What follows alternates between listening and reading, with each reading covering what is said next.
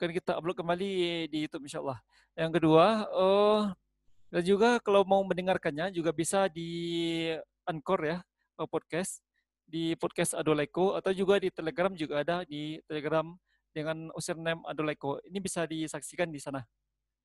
Baik, uh, selanjutnya juga akan di kita membahas bagaimana teknik publikasi. Nah, beliau ini orang juga berpengalaman sama seperti Pak Dr.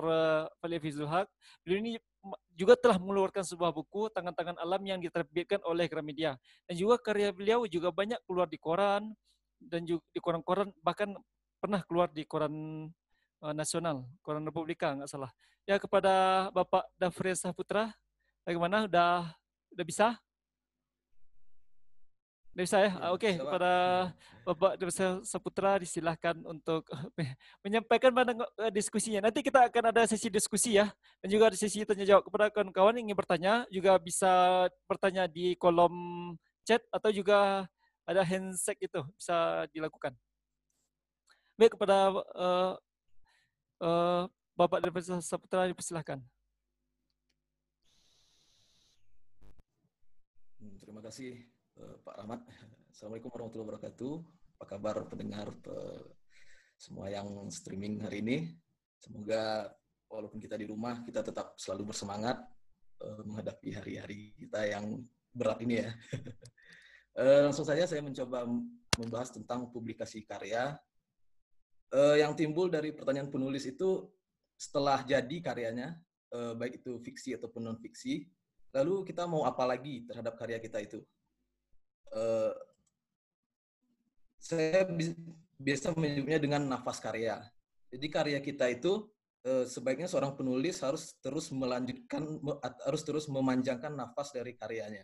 Akan sia-sia saja sebuah karya yang bagus jika terus tersembunyi di laci atau dinikmati sendiri saja uh, alangkah baiknya jika kita berbagi berbagi ide berbagi inspirasi tentang karya kita mana tahu bisa menjadi inspirasi juga untuk pembaca saya mengutip uh, perkataan dari Pramudia Anantatur katanya adalah menulis adalah sebuah keberanian tapi menurut saya sekarang mempublikasikan tulisan itu menjadi bukti dari keberanian itu nah nafas karya ini harus kita terus panjangkan dari sebuah karya.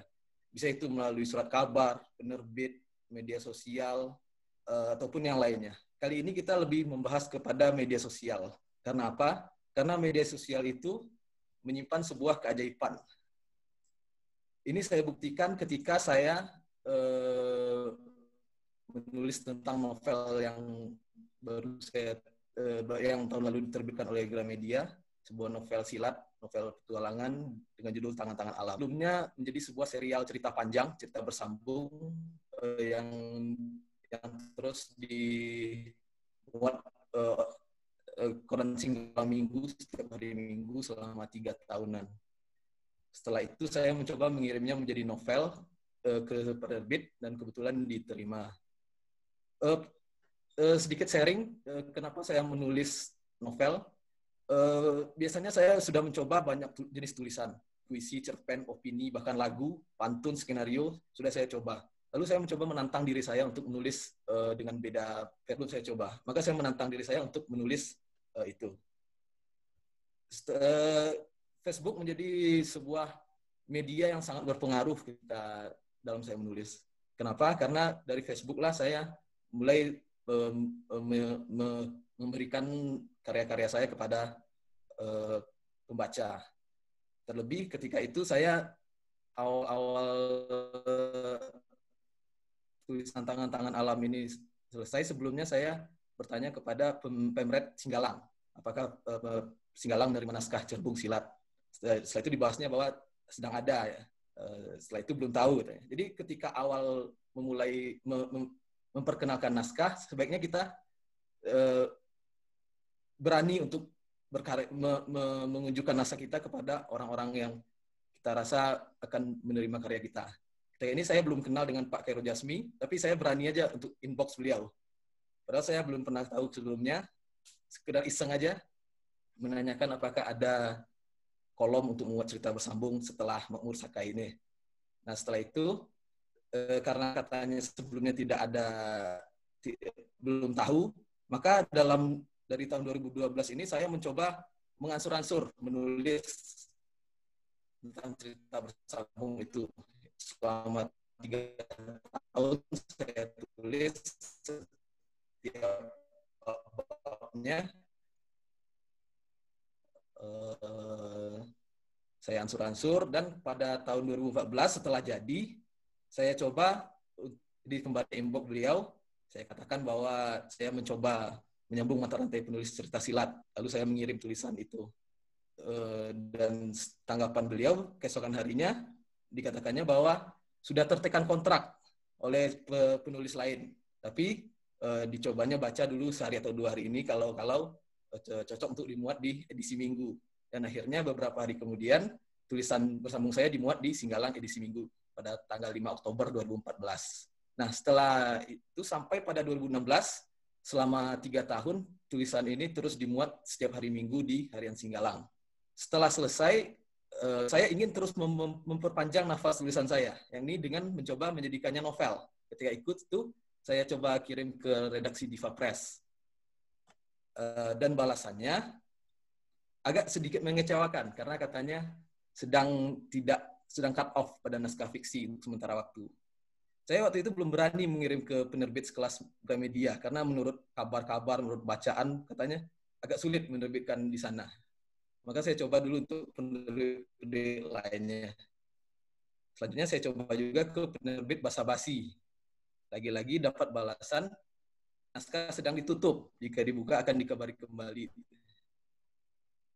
Nah, setelah itu saya coba beranikan diri. Langsung saja saya terjun ke Gramedia. Walaupun ini cuma sekedar iseng-isengan aja. Saya coba kirim melalui email, saya coba kirim juga melalui pos hard copy-nya pada bulan Oktober 2017. Uh, eh, ini pemberitahuan bahwa uh, naskah sudah sampai dan saya menunggu sampai bulan Mei 2018. Ketika itu baru ada uh, email balasan dari editor bahwa katanya menaruh minat pada naskah saya. Dan sepanjang bulan Mei ini juga terus dilakukan diskusi bersama editor. Eh, baik itu tentang ide cerita, eh, banyak itu perubahan yang terjadi dari versi versi cerita bersambung sampai ke novel ini eh, cukup banyak perbedaan ceritanya. Hingga dikatakannya bahwa kurang ada setelah edit, proses editor masih banyak proses-proses lain yang harus dilalui. Sampai akhirnya pada bulan Maret saya Eh, saya menandatangani kontrak dengan Gramedia dan pada bulan April 2019 naskah uh, novel saya diterbitkan oleh Gramedia. Setelah itu juga dilakukan bedah buku dan launching. Beberapa fotonya ketika itu di Padang dilakukan dan uh, kebetulan saya mengundang langsung Pak Khairul Jasmi sebagai editor Singgalang yang sebagai pemimpin redaksi Singgalang yang me, yang menerima naskah saya ketika itu. Nah, beberapa fotonya ini berupa foto yang juga pernah dalam suatu waktu eh, novel saya menjadi peringkat tiga di Gramedia. Apa artinya? Jadi kalau bisa sebuah karya yang kita buat itu sedapat mungkin harus diperpanjang nafasnya, jangan terhenti saja. Ini saya mencoba menggambarkan dari tahun 2012 sampai 14 saya menulis ceritanya, 2014 sampai 2017 dimuat secara bersambung di surat kabar Singgalang Minggu, 2017 saya tawarkan penerbit, 2018 saya dipinang Gramedia, proses editing, layout, sebagainya. 2017 cetak, terbit, dan buku. Nah, saya ada cita-cita lagi. Tahun 2020, apa yang akan saya lakukan untuk memperpanjang nafas karya tersebut? Uh, dan karena belakangan juga banyak liburnya karena work from home, jadi saya coba ansur-ansur menulis skenario. Walaupun nanti diterima atau enggak, tapi setidaknya untuk pencariannya menjadi bangkai di dalam laci. Maka sebaiknya kita harus mempublikasikannya dalam bentuk apa pun. Uh, mungkin itu saja yang bisa saya sampaikan. Uh, mohon maaf atas segala kesalahan. Assalamualaikum warahmatullahi wabarakatuh.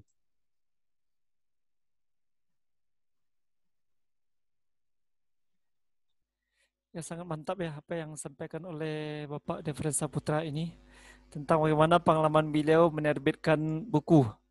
Gitu ya Pak uh, apa Pak Pujangga. Ya, kami ini iya. adalah kami iya, adalah sahabat dekat uh, ketika di kampus uh, seangkatan dan juga kita ini sering berdua-dua ya dulu ketika kampus. ya bagi kawan-kawan yang mau bertanya Silahkan uh, mau bertanya atau melalui chat juga bisa. Atau mau bertanya langsung kepada kedua tokoh ini juga bisa. Atau Nidona, Sipil 2008 mau bertanya nggak sama daripada Saputra ini? Dan juga mungkin untuk Fadli dulu ya uh, pertanyaan. Ini tentang ide menulis, uh, Fadli. Ini kan uh, kebanyakan rata-rata ini pemula, mereka ini sulit untuk bagaimana menulisnya. Kadang-kadang ada terpikirkan ide, tapi nggak tahu bagaimana cara menulisnya. Sebenarnya apa yang yang kurang dan motivasi apa yang kurang atau apa yang harus dilakukan sebenarnya ketika awal menulis ketika ada ide tapi nggak tahu apa yang harus dilakukan atau apa yang harus ditulis. Ya Bapak Fadli, apakah kedengaran suaranya? Ya, ya saya bisa. Ya, mungkin Pak Fadli bisa jelaskan apa yang harus kita lakukan ketika kita ingin ada niat sekali untuk menulis tapi nggak tahu bagaimana memunculkan kata-kata yang baik dalam penulisan. Dan juga apa media yang bagus untuk uh, pemula untuk menulis ini? Mungkin Pak Fadli bisa menjawab ya uh, media yang bagus untuk pemula menulis ya media sosial gitu ya. Artinya semua orang bisa bikin media sosialnya gampang gitu. Dan semua orang bisa menulis apa pun di situ tanpa perlu khawatir diterbitkan atau tidak gitu ya. Pasti diterbitkan karena kita sendiri yang menerbitkan. Cuman masalahnya uh, ketika beberapa teman-teman ikut bergabung dengan komunitas saya komunitas penulisan, uh, dia bertanya uh, gimana caranya supaya kita bisa pede untuk mempublikasikan tulisan kita di media gitu ya. Nah, karena kita merasanya tulisan kita jelek gitu. Jelek, jelek, jelek. Jadi malu untuk mempublikasikan gitu ya. Ya namanya juga kita belajar menulis. Ketika awal kita menulis itu tulisan kita ya begitu adanya gitu. Tapi semakin sering kita menulis dan panjang perjalanan kita, maka ketika kita baca tulisan kita di awal-awal itu kitanya sendiri yang malu gitu. Kok bisa saya menulis seperti ini ya gitu kok bisa saya menulis seperti itu gitu. Tapi ketika teman-teman atau Bapak Ibu sekalian sudah menulis dan berani mempublikasikan tulisannya itu satu langkah yang sudah lebih gitu. Yang sudah maju daripada yang lainnya. Mungkin ada sebagian orang yang akan mengkritik tulisan kita, tapi itu tak masalah karena dia yang mengkritik sendiri pun tak pernah ada tulisannya. Jadi ya namanya juga di media sosial pasti ada reaksi gitu karena ada itu ada like gitu. Untung di Facebook nggak ada dislike gitu. Tapi mungkin komentar netizen itu seperti pisau gitu. Ya, Jadi uh, itu medianya. Kalau untuk menemukan ide uh, yang paling gampang itu adalah yang paling dekat dengan kita. Jadi mungkin ada ibu bapak di sini atau beberapa teman-teman yang mungkin uh, berstatus sebagai ASN, contohnya seperti itu.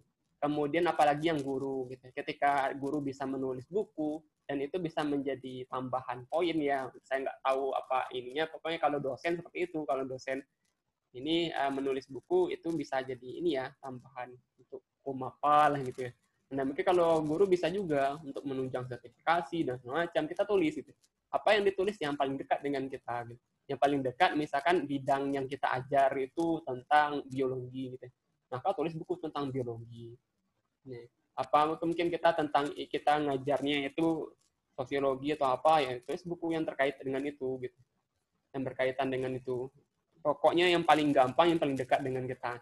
Kemarin uh, saya nulis buku ya walaupun itu diterbitkan secara indie gitu ya.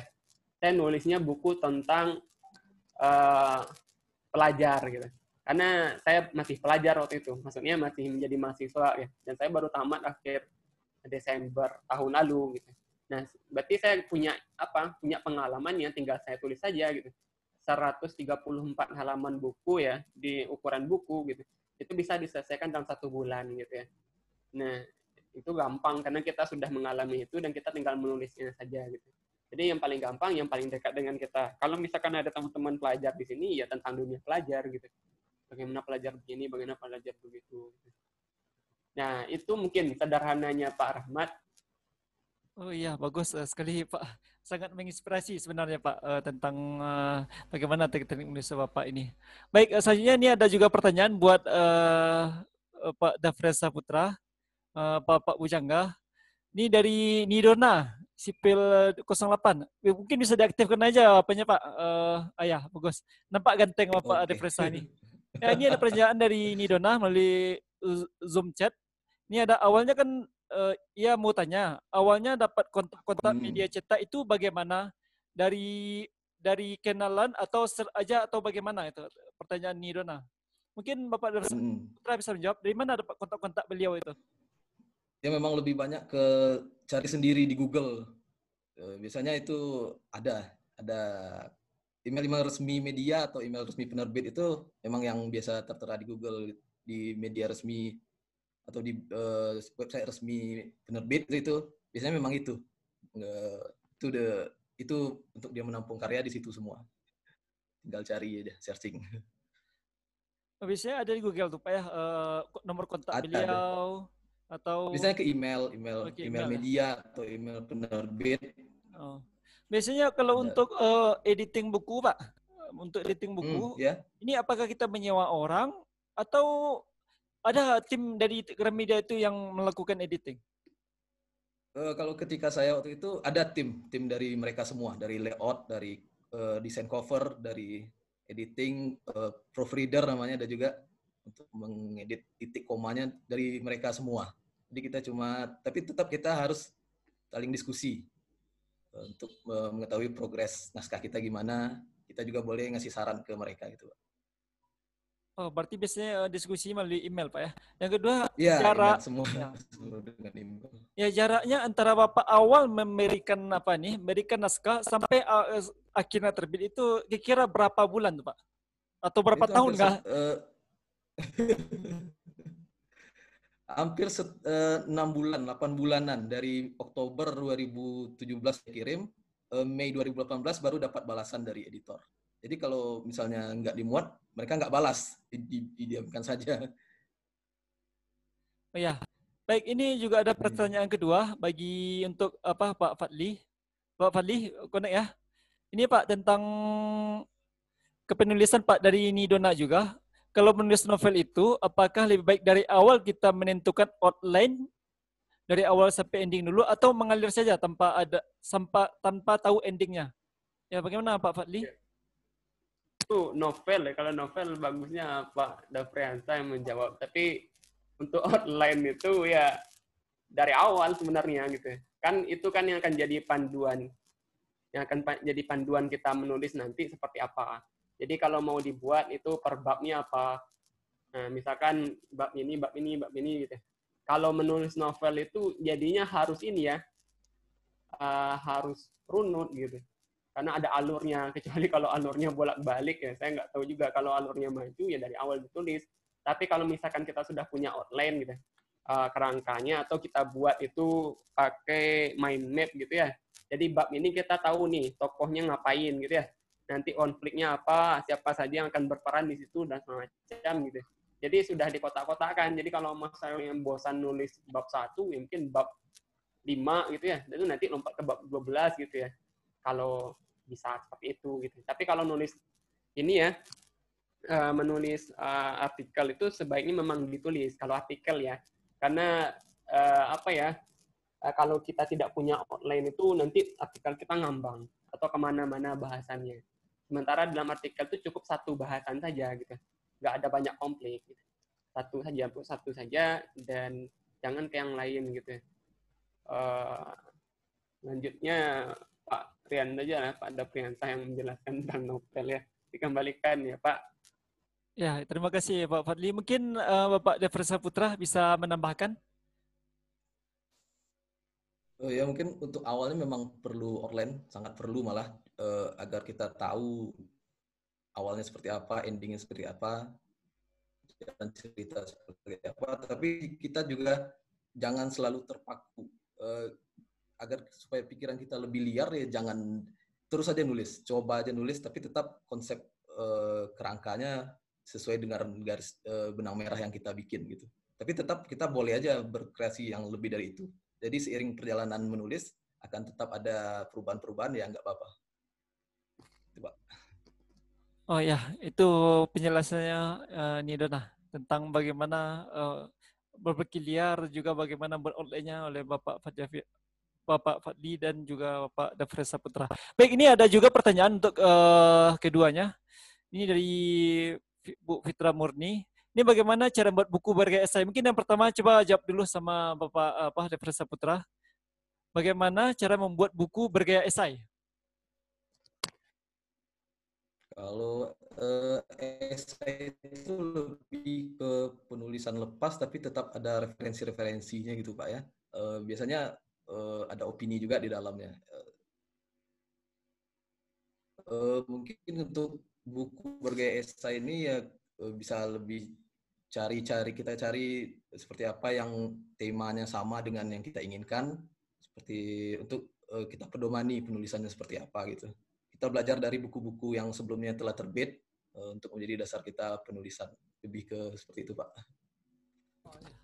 Ya, terima kasih uh, Pak Penyanggah. Baik, uh, selanjutnya Pak Fadli mungkin bisa menjelaskan bagaimana cara membuat buku bergaya esai? Ya, esai itu ya esai itu dasarnya ada juga yang bilang itu artikel gitu ya. Cuman itu mungkin lebih dalam gitu ya lebih dalam dan pembahasannya juga lebih ini ya lebih intens. Uh, kalau misalkan kita nulis artikel saja, kita cuma ini ya, cuma menulis misalkan artikel tentang manfaat manfaat lidah buaya tadi gitu ya, manfaat lidah buaya. Jadi kita buat saja, ternyata manfaat lidah buaya itu ada 10. Nah, kita bikin judulnya 10 manfaat lidah buaya untuk kesehatan gitu ya. Nah, itu saja dijelaskan gitu ya.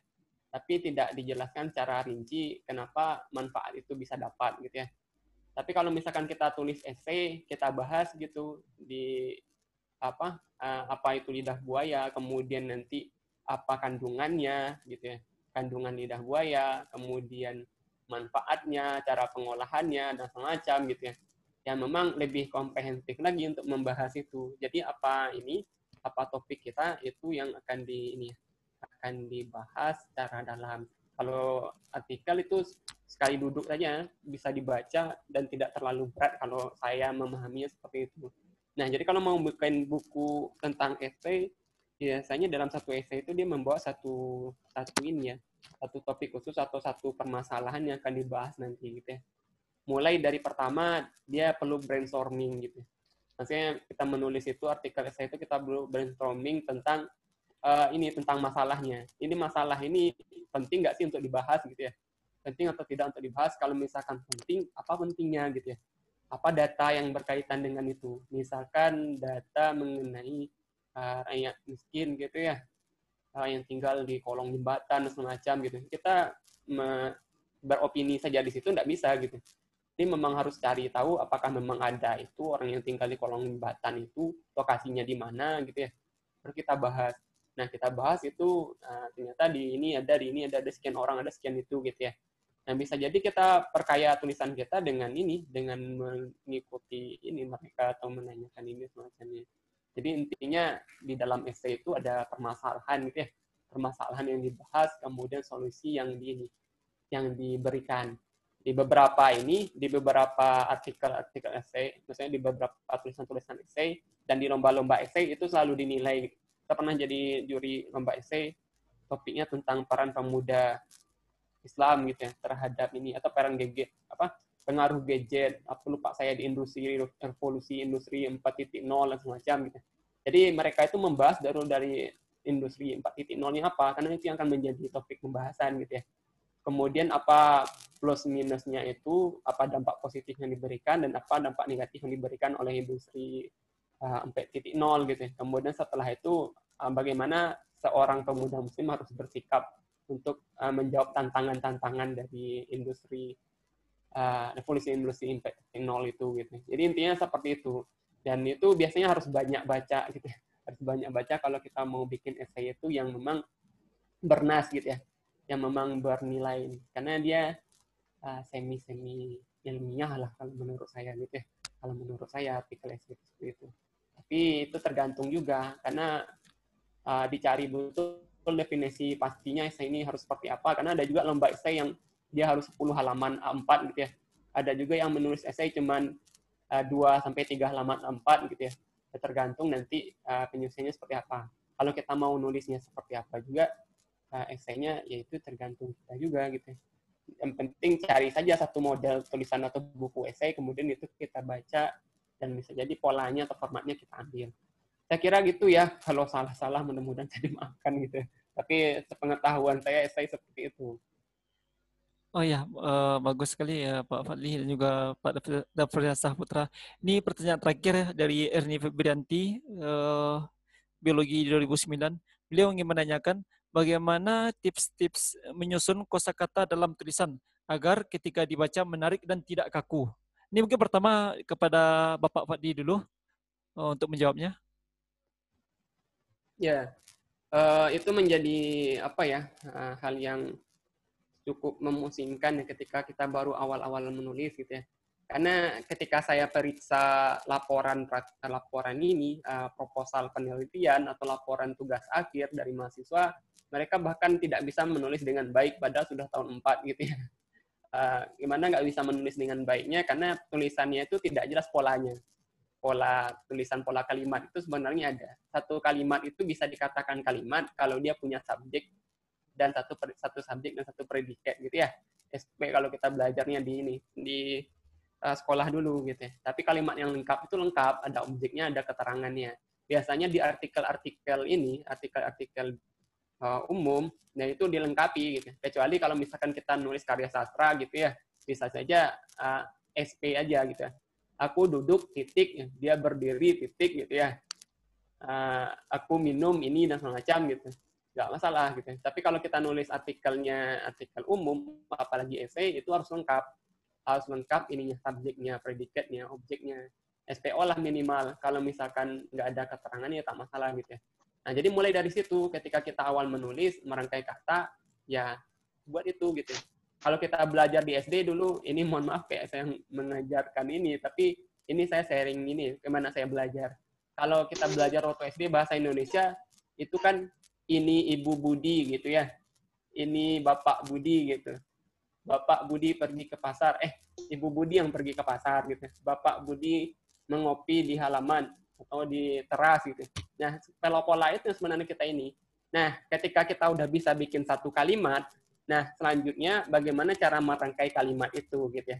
Karena ada juga kalimatnya udah selesai satu tapi enggak enggak apa namanya tidak terangkai dengan baik ya, tidak mengalir. Nah, itulah pakai nanti yang namanya konjungsi gitu ya, kata hubung gitu ya. Bagaimana anak kalimat, induk kalimat gitu ya. Bagaimana kita membuat teksnya induktif atau deduktif dan semacam. Akhirnya itu kembali kepada konsep-konsep yang kita pelajari dalam pelajaran bahasa Indonesia gitu ya.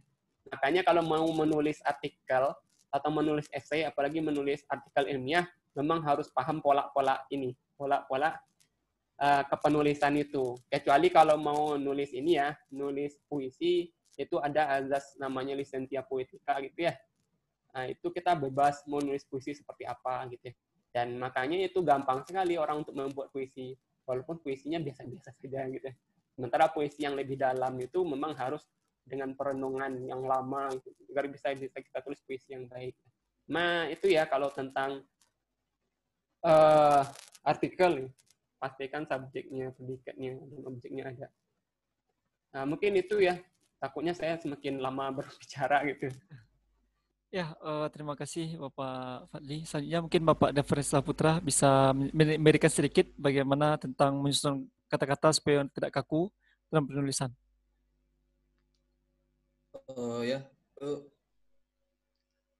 ya, jawabannya mungkin kita harus banyak baca banyak baca, banyak kita uh, tahu seperti apa bentuk-bentuk pola-pola kalimat yang unik, yang menarik, terlebih pada karya sastra.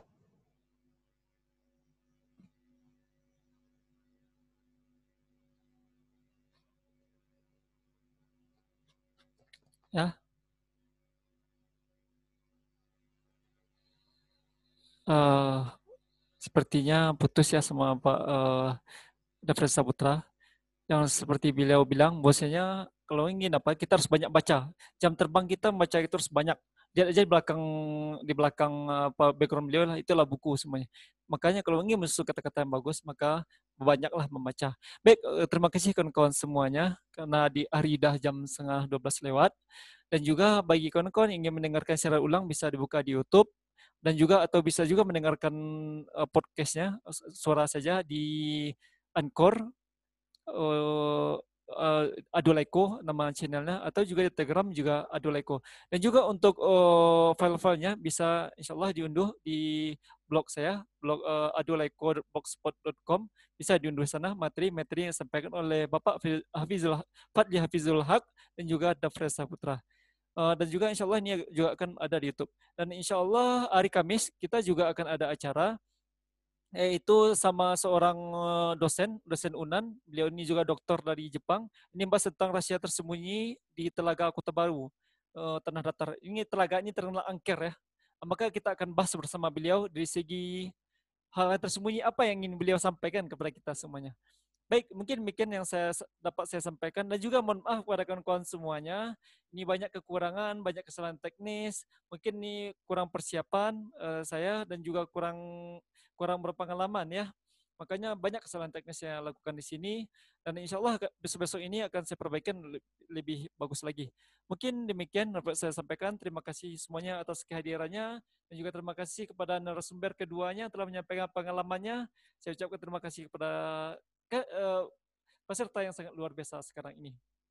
Baik, uh, kita tutup saja acara ini dengan membacakan hamdalah. Alhamdulillah, alamin. Assalamualaikum warahmatullahi wabarakatuh.